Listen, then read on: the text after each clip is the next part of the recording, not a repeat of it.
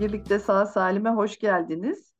Ee, bugün e, En Los Bargenes adlı filmi konuşacağız. Neden çalışıyoruz sorularına cevaplar arayacağız. Ee, yine Hakan Aytekin'le beraber e, yapıyoruz bu kaydı. Hakan'cığım hoş geldin.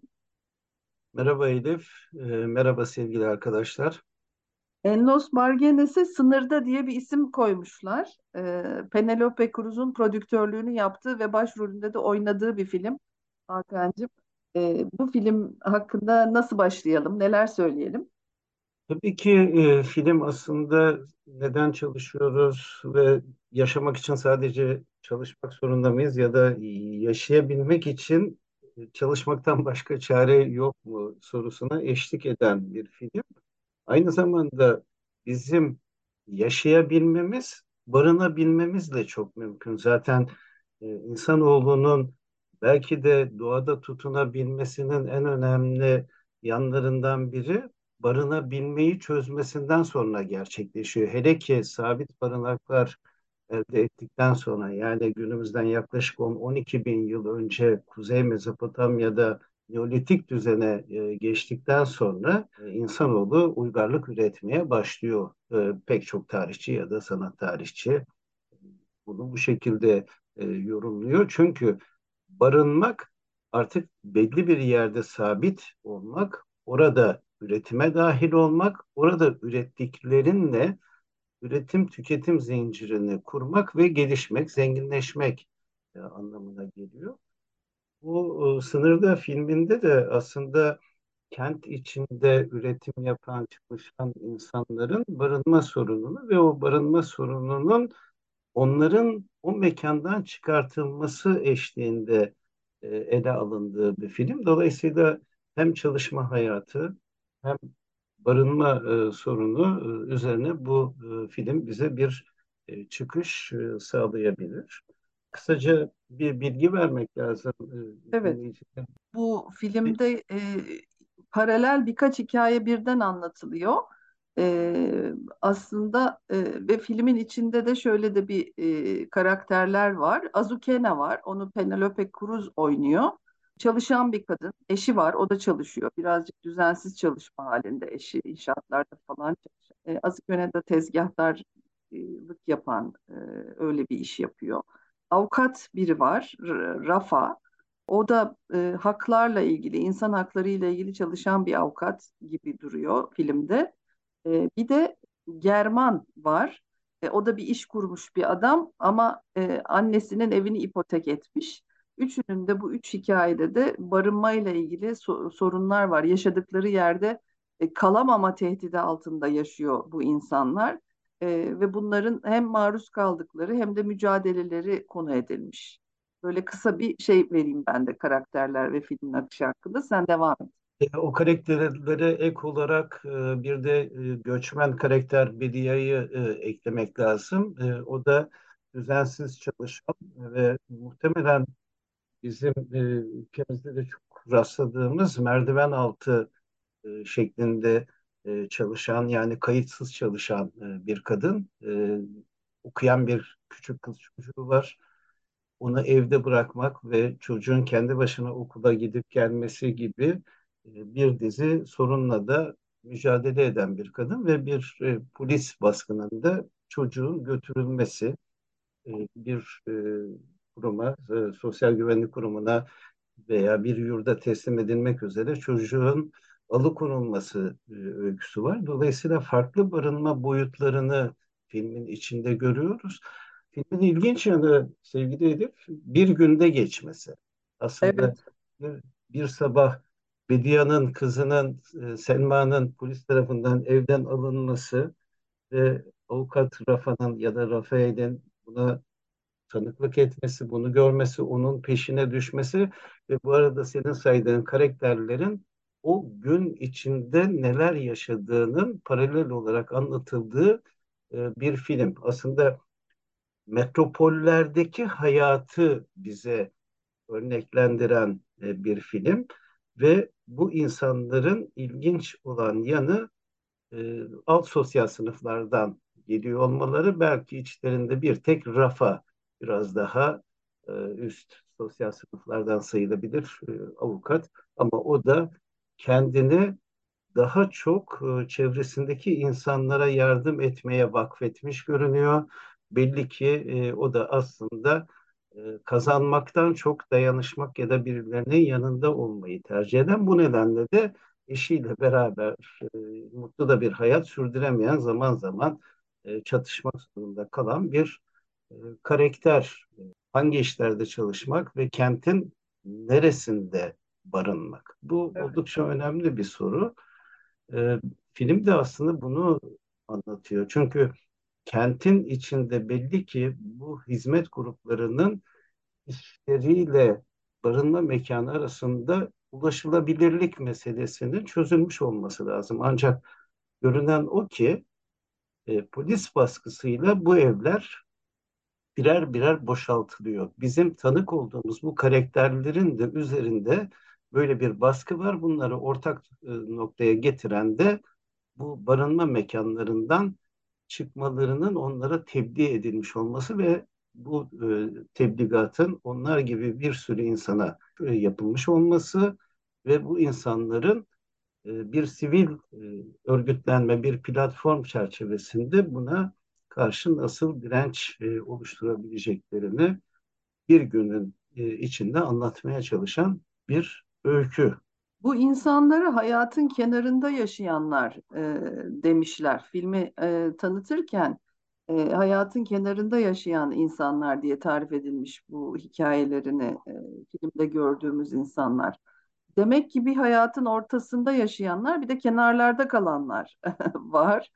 E, bu insanlar e, şehirdeler, bir işle çalışıyorlar. Hepsi aslında işi olan insanlar ama nasıl zor şartlarda çalıştıklarını filmde görüyoruz zaten. Zor işler yapıyorlar ve az kazanıyorlar. Az kazandıkları zaman da kendi hayatlarındaki temel ihtiyaçları satın almakta zorluk çekiyorlar. Mesela Azukena e, filmde o dayanışma ağının e, konutlarla ilgili, konut haklarıyla, barınma haklarıyla ilgili e, dayanışma e, topluluğunun kooperatifinden çeşitli ihtiyaçlarını e, alıyor parası yetmediği için hayatını döndürmeye.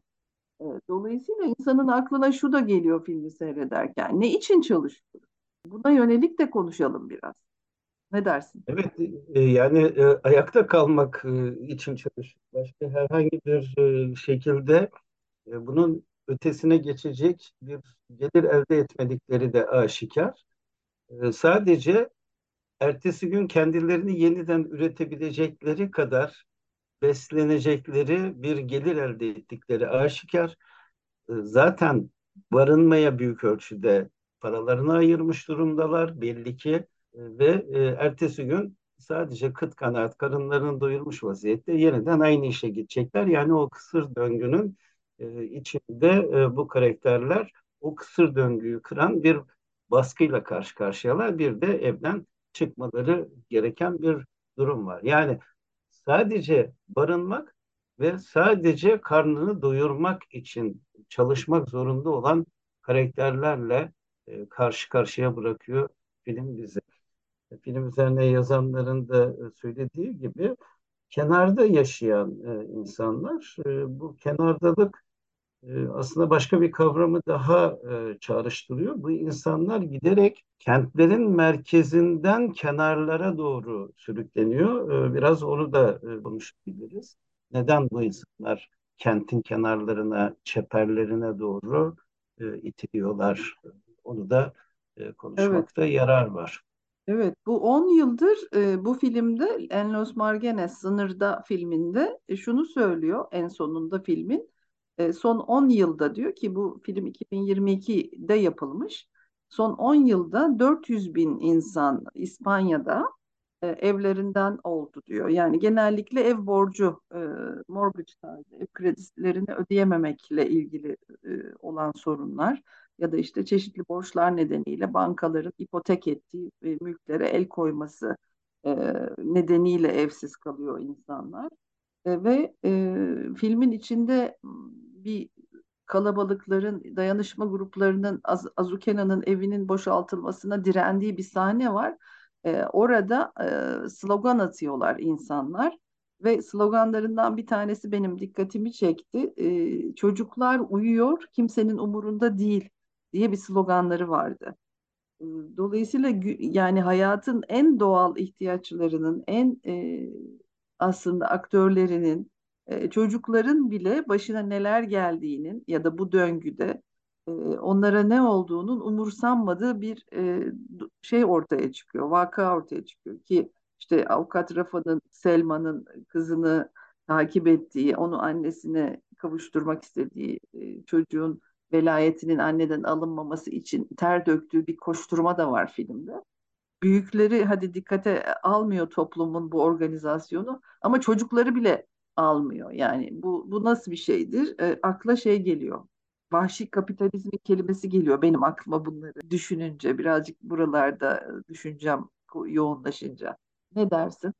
Evet, zaten e, bu filmdeki olan biteni aslında sosyal bilimciler soylulaştırma kavramı altında e, ele alıyorlar. Soylulaştırma kavramı 1960'lı yıllarda ortaya atılan bir kavram ve kentlerin içinde özellikle işçi sınıfının yaşadığı mekanlara orta sınıftaki insanların taşınmaya başlaması eylemini ifade etmekte e, kullanılıyor. Çünkü e, orta sınıf e, giderek e, kentin içinde daha önce fırsat yaratılmış ya da e, bir şekilde elde edilmiş olan alt gelir gruplarının oturduğu mekanları daha cazip buluyorlar. Farklı nedenlerden dolayı bu konuda da araştırmalarda zaten çok farklı e, gerekçeler e, bulgulanıyor.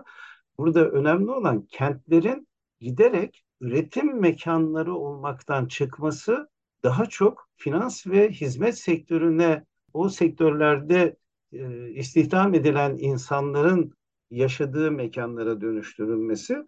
Dolayısıyla bu alt sosyal sınıflarda çalışan daha küçük hizmet birimlerindeki insanların yaşadığı bu mekanlardan o insanların tırnak içinde ayıklanması gerekiyor. Bunu yaparken de e, kuşkusuz o senin dediğin vahşi kapitalist e, sistem kendi araçlarını devreye sokuyor. Bunların içinde en önemlisi finans sektörü, bankacılık. Zaten bu insanların o sadece yaşamak, barınmak için çalıştığını söylemiştim. Çok küçük miktarda e, paralarla yaşadıkları için bu konutlara da kredi aracılığıyla ulaşabilmişler ve sonu gelmeyen bir ödeme döngüsü içindeler ve bankalar e, giderek sözleşmenin tersine e, sürekli kredi faizlerini artırıyorlar ve dolayısıyla sakinler bu borçları ödeyemez duruma geliyorlar. E, tabii ki e, İspanya ölçeğinde baktığında oralarda daha hukuk işliyor. E, davaları bu insanlar kazanıyorlar. E, bankaların e, bu anlamda önüne geçme e, şansını belli ölçülerde elde etseler de o arada sistem kendi marifetli e, girişimleriyle bir başka bankaya o konutun satılması gibi yollara başvuruyor ve dolayısıyla polis şiddetiyle beraber de e, bu insanlar birer birer mekanlarından oluyorlar. Senin söylediğin gibi çocuklar uyuyor, kimsenin umrunda değil sloganının e, yanı sıra atılan sloganlardan biri sosyal yardım istiyoruz, polis şiddeti değil e, şeklinde e, bir slogan vardı. Devletin sosyal olarak da vatandaşının yanında olması gerektiğini dile getiren, yani bizim yaşamımızı garanti altına alması gereken bir organizma olmasının altını çizerken yine devletin baskı aygıtı olarak polis şiddetiyle bunu ortadan kaldırmaması gerektiğini e, kitlelerin dile getirdiğini e, görüyoruz. Evet, e, filmde ilginç olan yanlardan biri çocuk ve ebeveyn ilişkisi filmin içinde oldukça önemli bir aks oluşturuyor. Evet, biraz bu konuda konuşalım e, Elif. E, Ebeveyn çocuk, ilişkisi mi dedin? Biraz sesin kayboldu orada. evet evet çocuk ve ebeveyn ilişkisi. Gördüğümüz bütün karakterlerde ortak yanlardan biri bu. Evet, avukatın çocuğu olacak. Ee, annesinin karnında bir bebek yolda. Selma'nın kızı var. Bedia'nın kızı Selma. Bedia'nın evet doğru kızı Selma ismi kızın, küçük kızın. German'ın annesiyle olan ilişkisi. Çünkü German bir girişimde bulunuyor ve belli ki başarısız oluyor ve aile evinin ipotek altına alınmış olmasının yarattığı tehdit. Bana şunu düşündürüyor. Yani hayatın doğal akışı, hani toplumun en küçük organizasyonu olan aile üzerinden anlatılıyor hikayeler. Ve hani oluşan sonuçlar aileye çünkü temelde hayatın kazanılması için insanlar çalışıyor. Bir yerlerde barınıyorlar. Bir ücret kazanmak için gayret ediyorlar. Beslenmek için, barınmak için uğraşıyorlar. Ve ne yaparlarsa yapsınlar sonuç alın alınamıyor. Yani hikaye böyle benim açımdan böyle gördüm. Bu aile düzeni tutturulamıyor. Azukena eşiyle büyük bir tartışma içinde çünkü Azukene mücadele etmeyi seçerken eşi yenilgiyi baştan kabul etmiş durumda. Ee, evi koruyamayız diye düşünüyor. Mücadelesinde kendilerini aslında küçük düşürdüğünü de söylüyor ona. Onların da çocukları var bu arada. Ee, ve aile e, zorlanıyor. Ebeveynler, çocuklar e, bu işten zorlanıyor. Mesela Azukena'nın çocuğuyla yolda yürüdüğü bir sahne var. Alışveriş e, yapıyorlar. Okuldan çocuğun çıktığı bir sahneden. E, kadın o e, baskının içinde bir yandan çocuğu biraz sırpalıyor. Ama bir yandan da farkında kendi yaptığının. E, onu kollamaya çalıştığını da hissediyorsun bir yandan. O çocuğun başına gelecek bir şeyden kaçmaya çalıştığını fark ediyorsun. Yani konut e, olmazsa nerede yaşayacaklar? Sokakta kalacaklar. Ve bu sadece filmlerde gördüğüm bir şey değil. Yani insanlar sokaklarda gerçekten de kalıyorlar. 400 bin çok büyük bir sayı filmden öğrendiğimiz ama beni çok şaşırtan bir, şey olmuştu. Bir Belçikalı bir misafirimiz olmuştu. Kızım lisede öğrencisiyken. E, Anais, onu da hatırladım şimdi. E, bana e, annesinin bir arkadaşının e, işsiz kaldığını ve ev borçlarını ödeyemediği için sokakta kaldığını anlatmıştı. İşte nasıl bir hayatınız var e, falan diye böyle tanışma konuşmaları yaparken bana küt diye e, Belçika'nın Liège şehrinde olan e, ki Liège de benim bildiğim kadarıyla bir işçi kenti. Orta alt sınıftaki insanların yaşadığı bir yer. Daha çok fabrikalar var. E, böyle bir sokakta kalma hikayesi küt diye önüme düşmüş. Bu durumda hani bir aklımıza şu da geliyor. Yani bu insanlar çalışmak için kente geliyorlar ve barınmak için ihtiyaçları olan en temel şeyden bile yoksun kalabiliyorlar. Bu tehditin altında yaşayabiliyorlar. O zaman e, bir de bir kent hakkı e, diye bir kavram var. E, şey vardı, Ekümenopolis, İmre Azem'in e, hoş filmi. Orada kent hakkını ilk ben duymuştum. 2012'de o filmde galiba yapılmıştı. Hani İstanbul'un kentsel dönüşümüyle ilgili bir vurgusu vardı filmin ve kentin merkezlerinde yaşayan orta alt sınıf gelir, gelir grubundaki insanların dış çeperlere, ki şehrin sınırlarına e, sürülmesi tabiri caizse hikayesiydi bu. İşte zaten biliyoruz yani günlük hayatta da Beyoğlu tarla başındaki hikayeyi, Yerlepaşı tarafındaki dönüşümü ya da Fikirtepe Anadolu yakasındaki Fikirtepe tarafı. İnsanlar merkezlerde e, yaşamlarını sürdüremiyorlar, sürülüyorlar şehirden. E, benim aklıma da bunlar e, geldi senin açtığın sözden. De, bıraktığım yerden e, ben de biraz katkıda bulunmak istiyorum. Evet özellikle İstanbul'da yaşayanlar çok sayıda kentsel dönüşüm öyküsüne bizzat içinden geçerek tanık oluyorlar. Çünkü çoğumuz kentin içinde yaşıyoruz. Bu kentin içinde bugüne kadar çok farkına varılmamış ya da kentli yaşamında çok da sıkıntı yaratmamış bir durum var. İşçi sınıfıyla beraber bir arada yaşadığımız bir kent düzeni var.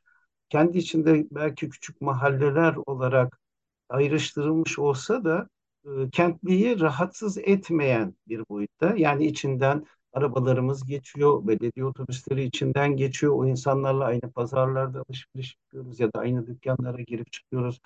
Aynı okullarda çoluğumuz çocuğumuz okuyor. Fakat son yıllarda özellikle 2000 sonrasında İstanbul'da tıpkı e, bu örnek aldığımız sınırda filmi gibi insanların bir sınırda kalma hali yaşanıyor. Dediğin gibi Fikirtepe, Beyoğlu'nun büyük bir kısmı, Fener Balat e, civarları çok ciddi şekilde oradaki yaşayan insanları oradan sürgün etmeye başladı. Çünkü orta sınıf oraya doğru başladı. Orta sınıfın yeni yaşam alanları oralar, olarak buralar inşa edilmeye başlandı. Bu işte soylulaştırma operasyonu aslında e, çok da masum şekilde gelişmiyor. Yani burada aslında eleştirilmesi gereken sadece sermaye ya da kent dinamikleri olduğunu düşünmüyorum. Bunun ötesinde de bir e, sorgulanması gereken yan olduğunu düşünüyorum. Bir kere özellikle orta sınıfa sahip, orta sınıftan gelen insanların ki bunların içinde çok ciddi şekilde aydınların da e, olduğunu görüyoruz. E, bu kentin içindeki mekanlara özellikle onların aktığını bir sermaye hareketi, bir yatırım hareketi, bir rant hareketi olarak sadece görülmemesi gerektiğini e, gösteriyor bu örnekler. Evet, e, belki neoliberal düzen insanları böyle yeni bir yaşam biçimine sürüklüyor. Evet, AVM'ler, hizmet mekanları, kentlerin ulaşılabilir yerlerinde inşa ediliyor. Yeni bir yaşam stili oluşturuluyor. Ama bütün bunlar olurken orta sınıfa dahil olan çok sayıda insan da e, bu eylemin ortakları arasında yer alıyor.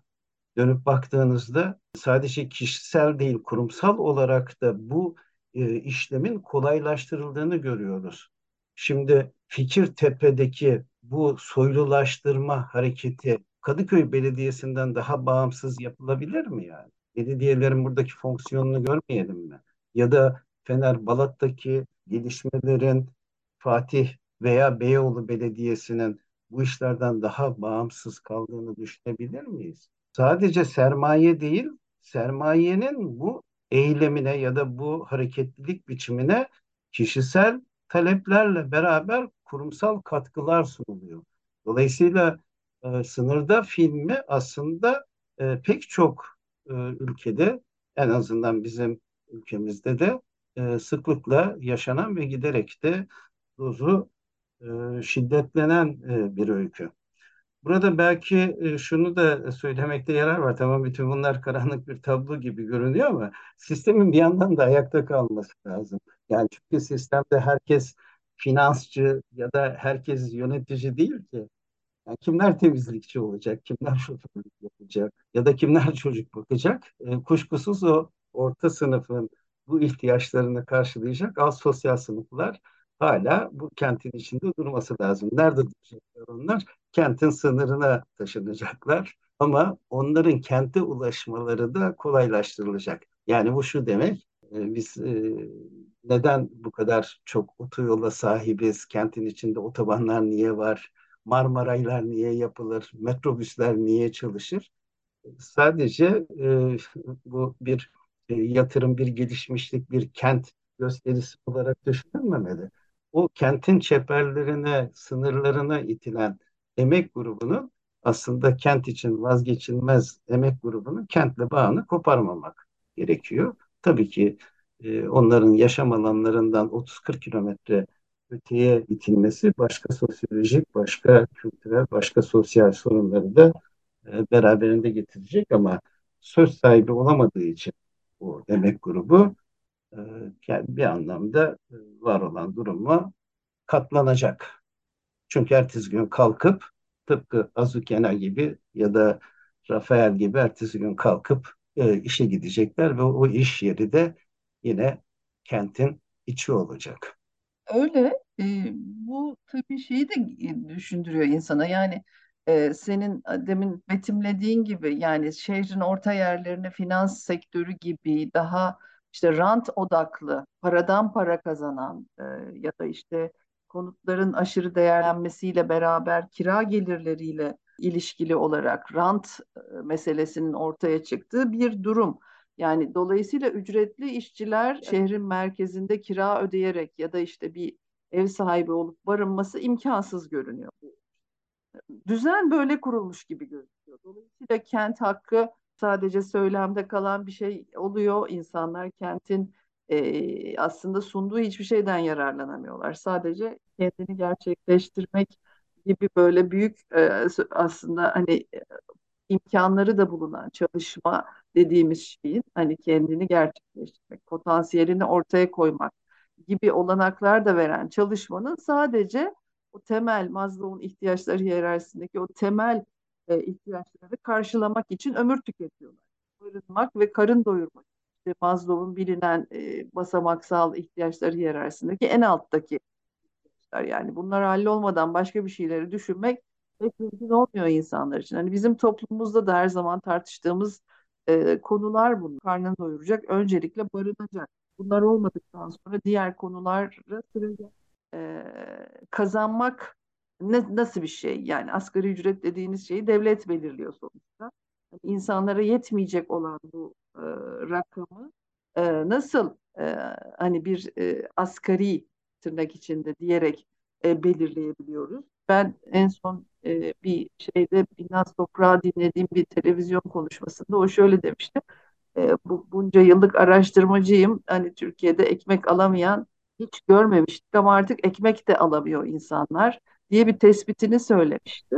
E, dolayısıyla insanlar ne yiyecek, insanlar nerede yaşayacak ve tabii işsizlik de çok yüksek. Çalışanlar ne yiyecek, nerede nerede çalışacak, e, nerede barınacak? Ağır sorunlar. Özellikle Türkiye'de bizim için çok yakıcı sorunlar olarak karşımızda. Konut işinde tekrar odaklanıp kalırsak, sen bir film e, önermiştin, seyrettiğim e, Saf, e, Ali Vatansever'in filmi. 2018'de e, çekilmiş. İçinde benim dikkatimi çeken bir şey e, vardı. Bu evi verirsin, kral daireler alırsın diyordu e, birisi. E, onun e, bu filmin hikayesinden de bahsedelim. E, sen zaten keşfettin filmi. Tabii ki Sınırda filmiyle Saf filmini yan yana getirmek, aynı saflarda buluşturmak da e, ilginç olacak. Sınırda az önce konuştuğumuz gibi o kentin içinde yerinden edilenleri anlatan bir filmdi. Saf ise yerinden edilenlerin o yaşam alanlarında orta sınıf için yapılacak mekanlarda çalışan insanları anlatıyor. Yani bu da çok ilginç bir şey. Bir yandan emek e, sahibi e, alt gelir gruplarının, işçi sınıfının yerinden edilmesi var. Bir yandan da o yerinden edilen kitlenin aslında kendi yerine gelecek olanlar için barınma olanağı sağlayacak mekanları inşa etmesi var. Yani kendi emeğine yabancılaşarak böyle bir e, aracılığın içinde kalmak zorunda olması. Çünkü çalışmak e, zorunda kaldığımız bir dünyanın içindeyiz. Burada ilginç olan e, bir nokta olayın Fikirtepe'de geçiyor olması. Yani yerinden edilen bir karakterin de kendini yerinden edecek mekanı inşa etmek için canhıraş orada iş arama mücadelesi ve bu mücadele sırasında da kendi hayatına mal olan e, bir e, öykü söz konusu. İş ararken e, burada bu işe girebilmesi için sermayenin ona sunduğu bir fırsat var. O fırsat da ülkemizde çokça tartışılan göçmen işçilerin daha ucuza istihdam edilmesi meselesini e, tartışıyor. Bu meselenin de öne çıkmasını sağlıyor. Bir Suriyeli kepçe operatörünün yerine bu yerinden edilecek olan karakter Kamil'in geçmesi öyküsü ve ikisi arasındaki o e, anlamsız çatışma yani işçi sınıfının birbirine düşürülmesini de e, anlatan e, bir öykü. E, Fikirtepe'yi bu anlamda e, görebilmek, o Fikirtepe'deki dinamikleri e, hissedebilmek açısından da önemli. Oradaki insanlar barınma meselesini çözerken aslında bir tür geçinme meselesini de küçük ölçekte olsa e, yerine getiriyorlar. Çünkü bunlar bahçe içinde küçük evler, daha e, sosyal e, açıdan zengin mekanlar. Buralarda aile e, içi üretim de söz konusu. Yani küçük bir bahçe, orada ekilip dikilen e, sebzelerle e, beslenme gibi bir e, yanı da var. E, düşünün böyle bir mekanda yaşayan birisiniz ve siz bu mekandan e, çıkarak o mekanı orta sınıfın yaşayacağı büyük rezidanslara ya da çok katlı e, binalara dönüşecek ve siz de emeğinizle e, buna ortak olacaksınız. Bu anlamda enteresan bir film. Bir yanıyla da böyle bir belgesel yanı var filmin. Gerçekten mekan olarak da Fikirtepe kullanılmış. Fikirtepe'deki o dönüştürülen konutlar ve Fikirtepe'nin sokakları, mekanları e, kullanılmış. Burada e, ilginç e, yanlardan biri aslında az önce konuştuğumuz soylulaştırma meselesinde kişisel katılımların yanı sıra o sosyal ağlarla zenginleştirilen meseleleri de film e, içine almış. Yani e, o mahalledeki dernek ya da sivil platform, oradaki e, bu işin nasıl olacağına ilişkin e, mücadele ki bu mücadele aslında iki uçlu işleyebiliyor. E, örneklerde bunu görüyoruz. Ya bir direnç oluşturuyorlar bu dönüşüme karşı ya da dönüşümün kolaylaştırıcılığını sağlıyorlar. Pek çok derneğin özellikle İstanbul'un bu yerinden etme e, öykülerinde kolaylaştırıcı olduğunu görüyoruz. Ne yazık ki e, buna sanat derneklerinin e, filan da çok e, aracılık e, kıldığı e, aşikar. Evet, e, orada e, yerinden edilen bu insanlara e, şeyin, e, mahallenin herhalde yerel e, öne çıkan liderlerinden birinin toplantıda ettiği bir laf var. O ilginçti, e, o önemli ve e, bu kentsel dönüşüm amacıyla bu mağdurlara ya da kentin asıl oradaki sakinlerinin sözleşmelerinde e, alın size ev e, diyeceklerini ve e, o evin e, hakkında bazı bilgiler verileceğini ama ısrarla bu evin adresinin ne olacağının belirtilmediğini ileri sürüyor bu e, lider. Çünkü diyor siz buradan yerinizden edildikten sonra bilmediğiniz bir yerde size bir ev verecekler. Nitekim İstanbul'daki pek çok kentsel dönüşüm öyküsünde kişilerin yerinden koparılarak kentin çok dışında, çok kentin sınırında yerlere itirdiklerini biliyoruz. Özellikle Sulukule e, de çok gündeme geldi. Sulukule'liler oradan çıkarıldıktan sonra e, kentin çok uzağında e, taşlı tarla ve benzeri yerlere gönderildiğini e, hatırlıyorum. E, filmde de buna dikkat çekiyor. Aslında o e, izlediğimiz sınırda filminde de o insanların nereye gideceğine ilişkin hiçbir veri yok. Sadece oradan çıkartılmaya çalışıldığını e, görüyoruz. Bu anlamda o insanlar sadece yerinden edilmiyor, nerede olacağını bilmedikleri bir dünyaya da atılmış oluyorlar. Çünkü herhangi bir şekilde sosyal bir e, destek de e, alma şansı en azından bizim ülkemizde çok zayıf. Oradaki işte işte ise e, İspanya'daki bazı e, dernekler ya da resmi kurumların e, kolaylaştırıcılığı ne yazık ki Türkiye'de e, çok da e, mevcut e, değil. O anlamda Ali Vatansever'in filmi hem emeğin yabancılaşması hem kendi mekanından kendisinin e, yerinden edinmesine e, katkıda bulunması o çaresizlik e, oldukça ilginç bir paradoks oluşturuyor. Tabii iktidarı daha az olanlar, kaynakları daha az olanların da buna direnme imkanı tek başlarına yok. Sınırda filminde Ennos Margenes de yine de mücadelelerini yaptığını, birbirleriyle kol kola olduklarını e, görüyoruz. Direnmek, e, o da yaşamsal bir şey. Yani ol, olup bitenlere karşı e, direnmek de e, yaşatan bir şey. Çünkü ümit var içinde, direnmenin içinde ümit var. E, onu da e, gösteriyor Penelope fil, e, Cruz'un filmi. E, Ali e, Vatansever'in filminde de eş rolündeki e, Saadet Işıl Aksoy'un oynadığı roldeki karakter kendi e, gücünün farkında, talepleri olan, hakkını arayan bir karakter. Takip eden, hakkını aramaya çalışan e, bir rolde, bir kadın olarak da hoşuma gitti benim e, o rol. E, bu e, bütün bu filmleri seyrederken e, şeyi de hatırladım. E, hayatın kazanılması sürdüremedikleri hayatları aslında. Şimdinin e, çok moda kavramının ve belki işte önümüzdeki yıllarda da hep konuşacağımız, hep tartışacağımız. Sürdürülebilirlik. Evet, sürdürülebilirlik çok sihirli bir sözcük, parlak bir sözcük, insanlara çok cazip geliyor ve neredeyse de içinden geçtiğimiz bu hayatın temel kavramı haline geldi. Herkes bir şekilde sürdürülebilirliğe vurgu yapıyor ama herkes de bir şekilde sürdürülemezliği inşa ediyor.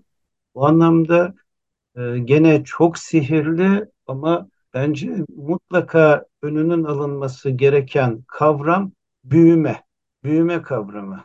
Bir şey hem büyüyüp hem sürdürülebilir olması çok mümkün değil.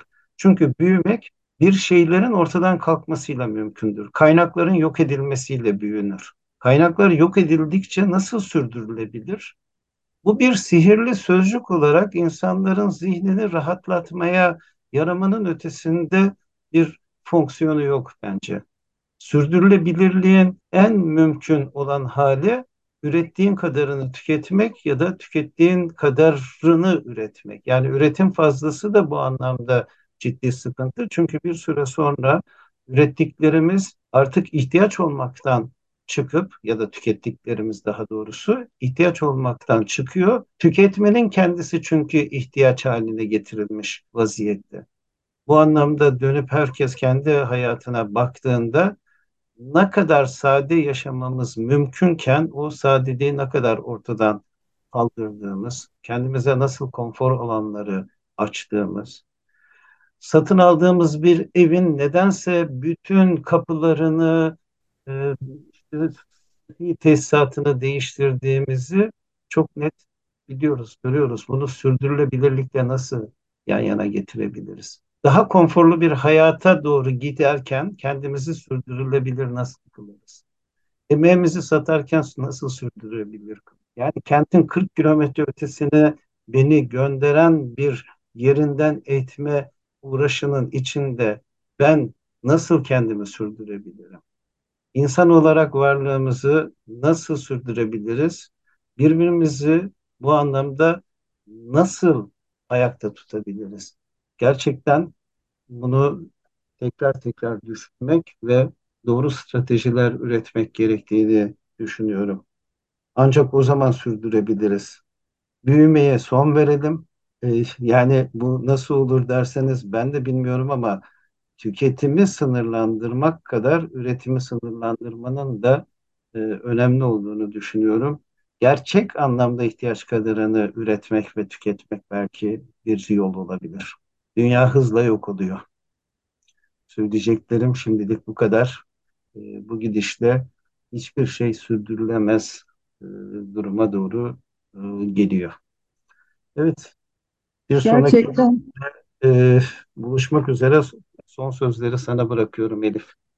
e, teşekkür ederim Hakan'cığım. İyi bir bağlanma oldu. Çünkü hem e, Penelope Cruz'un En Los Margines'i hem de e, Ali e, Vatansever'in Safı e, her iki film izlemek isteyenler için adlarını tekrar söylemiş bulalım. İnternetten ulaşılabiliyor bu iki filme de. E, hem e, çalış ne için çalışıyoruz sorusuna ilişkin bizi düşündüren filmler. E, çalışmanın sonucunda ücretli emek e, veren insanlar için çalışma ihtiyaçları karşılamak için yapılan e, bir e, şeyken e, maalesef artık temel ihtiyaçların bile karşılanamadığı bir döngü. Dolayısıyla bunlar gerçekten de günlük hayatların sürdürülemediğini, çok sayıda insanın günlük hayatını sürdürülemediğini ispat eden aslında noktalar. Hepimizin bu konularda e, ihtiyacı var, tartışmaya ihtiyacımız var. Birlikte sağ salim de yine bu konuları ele almaya devam edeceğiz. Çünkü çalışma hayatı ile ilgili çalışan sağlığı ve güvenliği odağında konuştuğumuz bu programda e, çalışmanın ortaya çıkardığı e, sorunlardan e, biri de bu günlük hayatın e, sürmesi ya da sürmemesiyle ilgili olduğu çok aşikar. E, dinleyenlere teşekkür ediyoruz. Tekrar görüşünceye kadar hoşça kalın. Hoşça kalın.